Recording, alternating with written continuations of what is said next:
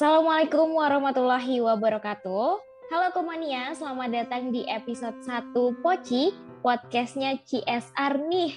Dan pada kesempatan kali ini, aku Irsalina sebagai moderator yang bakal nemenin teman-teman semua di Poci episode 1 ini selama beberapa menit ke depan. Dan buat yang belum tahu nih, jadi Poci itu adalah sebuah podcast garapan tim CSR yang bakal ada setiap bulannya. Jadi tungguin episode-episode lainnya ya. So, hari ini Irsa nggak sendiri nih. Irsa bakal ditemenin sama Mas Deski Jayantoro atau biasa kita panggil Mas Deski. Dan sesuai judul ya, kita bakal ngobrolin seputar CSR itu sendiri. Kayaknya tak kenal maka tak sayang ya teman-teman. Irsa bakal sapa dulu nih uh, Mas Deskinya. Hai Mas Deski, apa kabar? Halo Irsalina dan teman-teman Kopmania. Oke, kayaknya semangat banget ya Mas Deski ya. Ya, bener, udah siap banget nih. Ya. Iya, udah siap banget buat kita ngobrol-ngobrol di Poci episode satu ini. Mungkin sebelum masuk ke pertanyaan-pertanyaannya, Mas Deski sekarang lagi sibuk apa, Mas?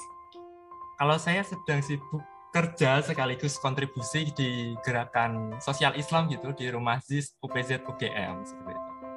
Wah, oke okay deh. Pokoknya lancar-lancar terus uh, pekerjaannya dan juga kegiatan sosialnya Mas Deski. Udah mencerminkan CSR banget ya, Mas? Iya, bener harus. Lanjutannya gitu ya. Oke okay deh, hari ini Irsa mau ngulik-ngulik nih seputar CSR itu sendiri ke masternya ya, ke Mas Deski yang sebelumnya juga sudah ada pengalaman di uh, tim CSR pada tahun 2018 ya kalau nggak salah Mas. 2019. Oke, okay, 2019. Oke, okay, agak tipe dikit ya. Tapi nggak apa-apa, kita bakal ngulik-ngulik seputar tim CSR di zamannya Mas Deski nih. Sebelumnya, uh, sebenarnya dulu waktu pertama kali nih, apa sih alasannya Mas Deski untuk memilih uh, masuk dan bergabung menjadi salah satu anggota tim CSR? Oke, okay, kalau awalnya sih pengen punya perpustakaan sekaligus aku itu punya toko buku gitu di Boyolali karena memang rumahku itu sebenarnya sangat strategis di pinggir jalan dan masuk kota gitu ya. Jadi ini sangat strategis dan aku kan jebolan dari gugus kewirausahaan tuh di Kopma UGM. Nah dari situ aku pengen punya usaha yang bergerak juga di bidang sosial atau sosiopreneur gitu. Awalnya seperti itu gabung di tim CSR. Oh, oh jadi Mas Deski itu juga uh, jebolan dari kewirus ya? Uh, maksudnya kewirausahaan UGM? Iya benar. Wah keren banget sih. Berarti nggak nggak cuma di tim CSR aja, tapi juga di kewirausahaan. Tapi kalau Mas Deski dulu di tahunnya Mas Deski ikut staff juga atau pengurus begitu? Kalau di kalau aku malah tidak pernah jadi staff karena memang waktu kuliah itu sangat padat gitu ya di sekolah vokasi. Mm -hmm. Jadi memang yang bisa aku aku lakukan adalah di tim bawah aja nih di tim kerja aja gitu yang bisanya jadi sejak 2017 aku masuk jadi mahasiswa sampai di 2019 ketika jadi tim CSR itu semuanya di uh, tim kerja semua gitu. Oke deh, tapi kalau zaman dulu tuh CSR-nya offline kan ya mas? 2019 kan kita belum ya. menghadapi pandemi ya? Ya itu masih offline banget dan masih sangat terbuka sekali ketika itu. Mm -mm. Jadi kalau di tahunnya Mas Deski ini di 2019 kemarin berarti uh, kegiatan semuanya full offline ya Mas, karena kita belum pandemi kan ya? Iya benar, jadi memang masih sangat terbuka dan masih berkontribusi juga dengan uh, masyarakat gitu ya. Jadi memang masih mm -hmm. ketemu banyak dengan masyarakat dan memang wirawiri gitu ya. Jadi ke Kopma juga ke Sendowo. Kita kan dulu kan CSR-nya kan timnya di Sendowo. Sendowo gitu. ya. Nah, seperti itu. Oke deh. Tapi uh, kalau zaman dulu nih, kalau offline kan pastinya uh, syarat-syarat masuknya juga beda ya, Mas. Kalau misalnya zaman sekarang kan kita online nih, jadi ya. uh, semua pendaftarannya juga lewat online. Kalau zamannya Mas Deski kemarin tuh syarat bergabung di tim CSR tuh gimana sih?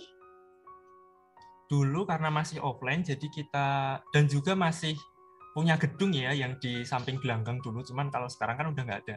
Dulu itu ada berkas pendaftaran mengisi berkas pendaftaran apa e, mengisi formulir pendaftaran kemudian mm -hmm. ada CV kemudian ada esai tentang CSR secara umum bukan hanya cooperative social responsibility tapi juga e, tentang corporate social responsibility gitu ya Terus juga foto berwarna, kemudian bukti pembayaran simpanan wajib Kopma UGM. Nah, ini yang nggak boleh sampai terlewatkan. Ketinggalan. Iya. Secara tim CSR adalah uh, anggota Kopma ya pastinya ya, tentunya. Betul. Iya. Kalau di tahunnya Mas Deski itu uh, program kerja dan kegiatan tim CSR-nya tuh ngapain aja sih Mas?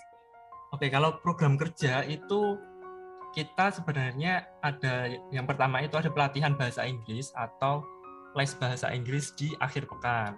Sama yang kedua itu adalah Go Green Kopma UGM. Nah, yang sebenarnya yang paling utama sebenarnya adalah pelatihan ini, teman-teman. Jadi diusahakan setiap pekan itu ada gitu ya. Sedangkan kalau untuk Go Green itu eh, minimal selama satu semester itu ada dua kali Go Green gitu.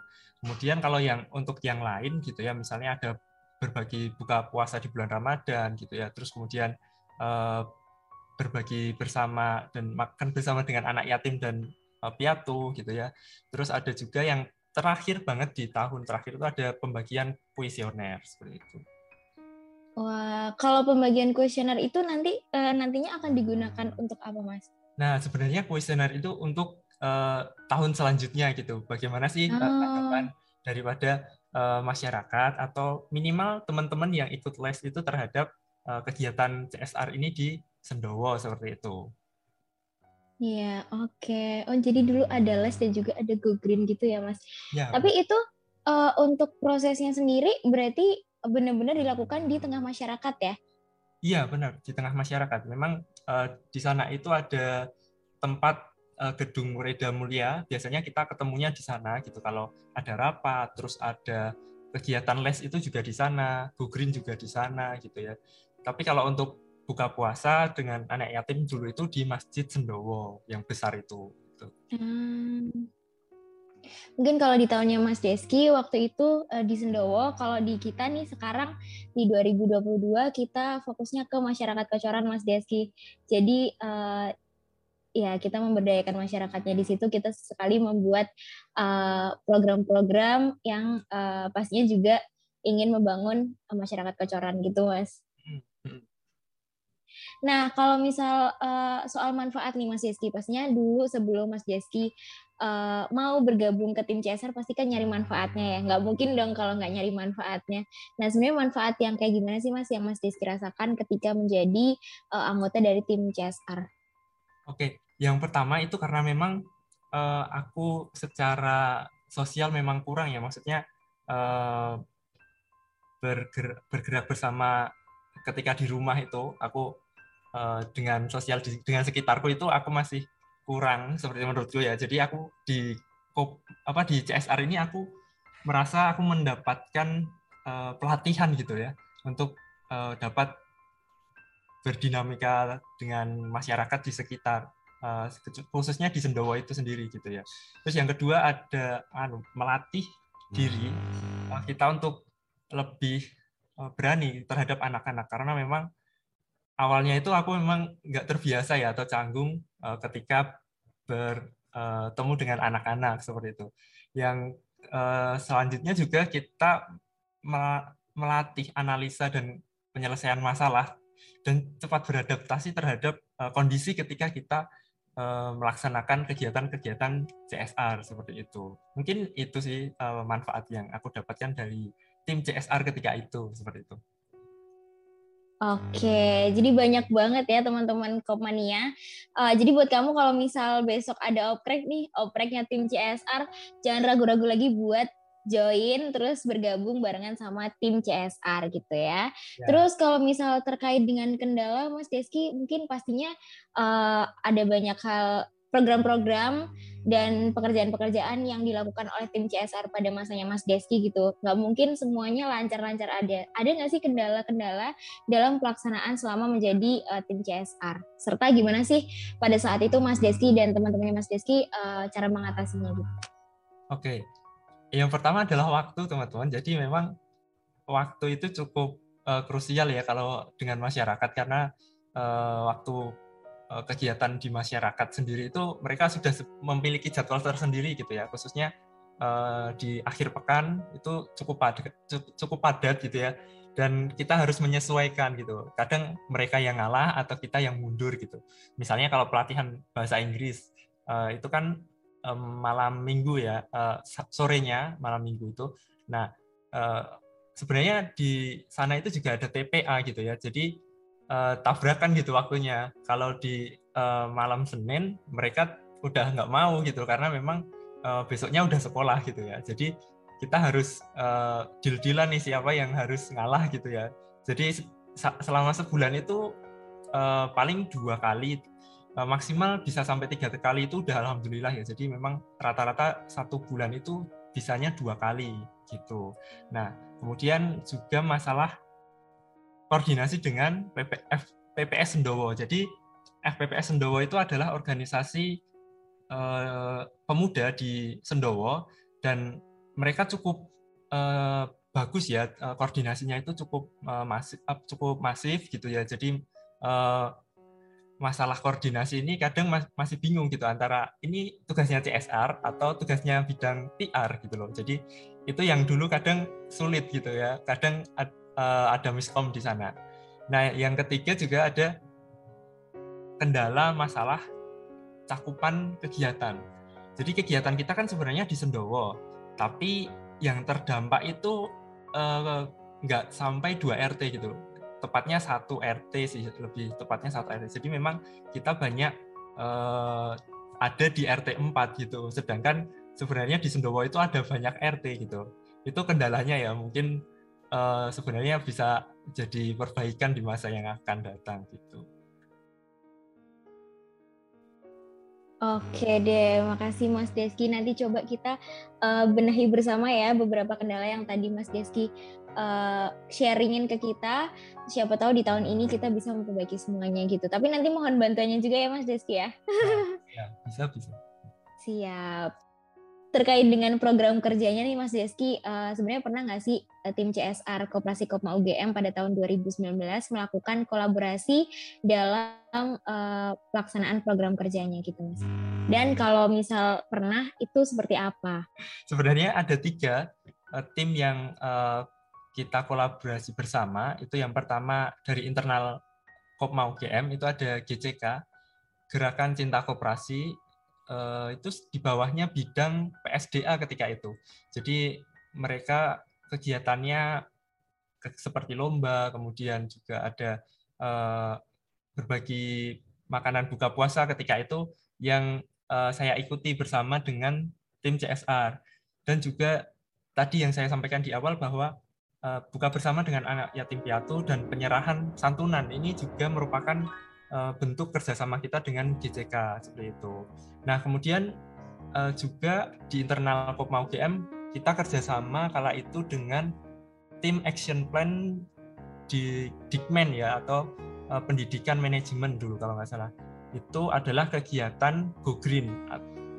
Go Green di mungkin di bulan Agustus kalau nggak salah. Jadi memang uh, ada Dikmen di bulan Agustus, terus kita kerjasama bersama mengadakan sebuah kegiatan Go Green dengan anak-anak. Nah kegiatannya itu uh, kita memanfaatkan botol bekas untuk kita jadikan pot gitu. Jadi, tapi di luar itu kita juga melakukan uh, kegiatan yang lebih seru yaitu mengecat pot tersebut uh, sehingga lebih indah gitu loh, lebih bagus, lebih bisa dipasang di rumah gitu. Teman-teman juga bisa buka di YouTube-nya Kopma UGM itu ada satu video ya dari tim CSR itu ketika kegiatan bersama Dikmen ini yaitu Go Green atau uh, cinta kepada lingkungan. Wah, cukup menarik ya teman-teman uh, Kopmania nih. Uh, dari uh, sharingnya Mas Deski tadi, ternyata ada beberapa hal yang asik kayaknya kalau dilaksanakan secara offline gitu. Tapi dari tadi Irsa juga dengar Mas Deski sempat mention terkait dengan Go Green gitu. Sebenarnya pada zaman itu Go Greennya gimana sih Mas Deski? Mungkin uh, kalau Go Green kan mungkin nanam tanaman ya kalau setangkap aku. Nah itu uh, prosesnya gimana tuh? Oke, kalau uh, sebenarnya memang fokus utamanya di Go Green ya, tapi karena memang uh, uh, pertamanya itu berjalan dengan baik di uh, Go Green pertama itu cukup baik di RT 4 gitu ya. Kita nanam-nanam uh, pohon kecil-kecil gitu ya. terus yang kedua ini mulai mulai ini mulai uh, sasarannya itu kurang tepat gitu loh. Jadi memang ketika itu yang diberi pohon itu suruh nanam gitu tapi nggak ditanam gitu. Karena memang kan di Sendawa itu cukup luas ya jadi kita menyebar uh, pohonnya itu untuk ditanam ternyata nggak ditanam gitu. Dan uh, ya di situ agak miss akhirnya di Go Green yang ketiga kita uh, ini untuk um, bersama anak-anak untuk mengecat botol bekas ini untuk dijadikan pot seperti itu dan di situ juga kita beri pohon gitu loh dari botolnya itu kita beri pohon untuk uh, ditanam di rumah gitu.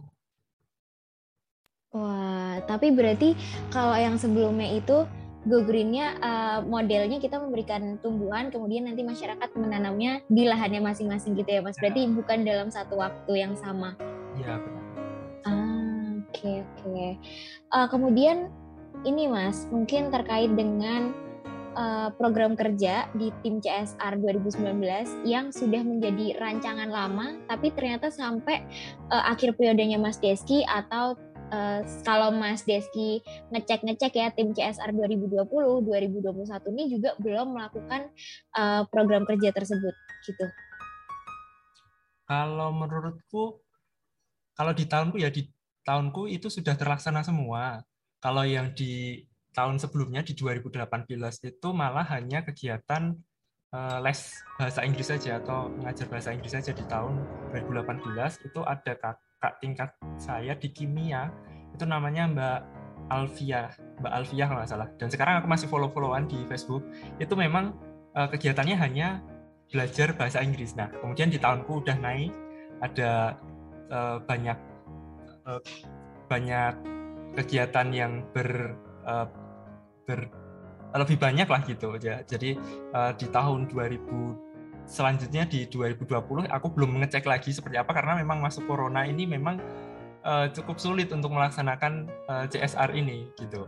Nah, apalagi di 2021 udah uh, benar-benar lepas gitu ya. Jadi memang uh, selanjutnya di 2022 baru dihubungi ini. Jadi memang uh, sebenarnya uh, proses ini cukup panjang. Jadi aku sebenarnya berharap bahwa Kopma ini uh, eh, CSR Kopma ini bisa lagi naik lagi lah di tahun 2022 ini. Amin. Kita usahakan bersama ya Mas Deski ya. ya. Oke, okay, kalau menurut pengalaman Mas Deski nih, uh, gimana sih tanggapan masyarakat uh, pada zaman itu ya tentunya, eh, pada periodenya Mas Deski, uh, gimana tanggapan masyarakat yang terbantu dengan adanya uh, program kerja tim CSR ini? menurut masyarakat cukup terbantu dari kuesioner uh, yang kita bagikan.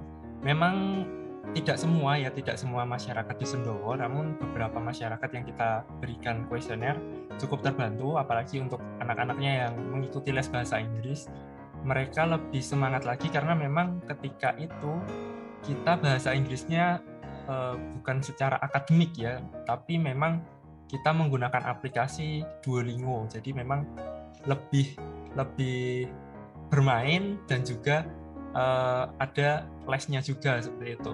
Teman-teman kalau pengen atau mungkin pernah lah gitu ya uh, download aplikasi Duolingo dan uh, belajar uh, masif di bahasa Inggris gitu atau bahasa-bahasa lain gitu dan itu cukup uh, menarik gitu untuk anak-anak uh, di Sendowo seperti itu. Dan juga ketika itu juga kita bagi-bagi snack jadi teman-teman uh, dari anak-anak ini lebih semangat untuk mengikuti les bahasa Inggris. Kalau anak-anak sendiri sih mereka itu senangnya ya itu ada snacknya gitu ya. Mereka senangnya ya itu terbantu uh, dengan snacknya mereka bisa main juga karena memang kalau di TPA itu kan juga waktunya stuck ya. Jadi ketik jam berapa sampai berapa, jam berapa itu harus belajar apa, terus jam berapa sampai jam berapa itu harus belajar apa gitu. Sedangkan bermainnya itu masih cukup kurang gitu. Seperti itu mungkin ya.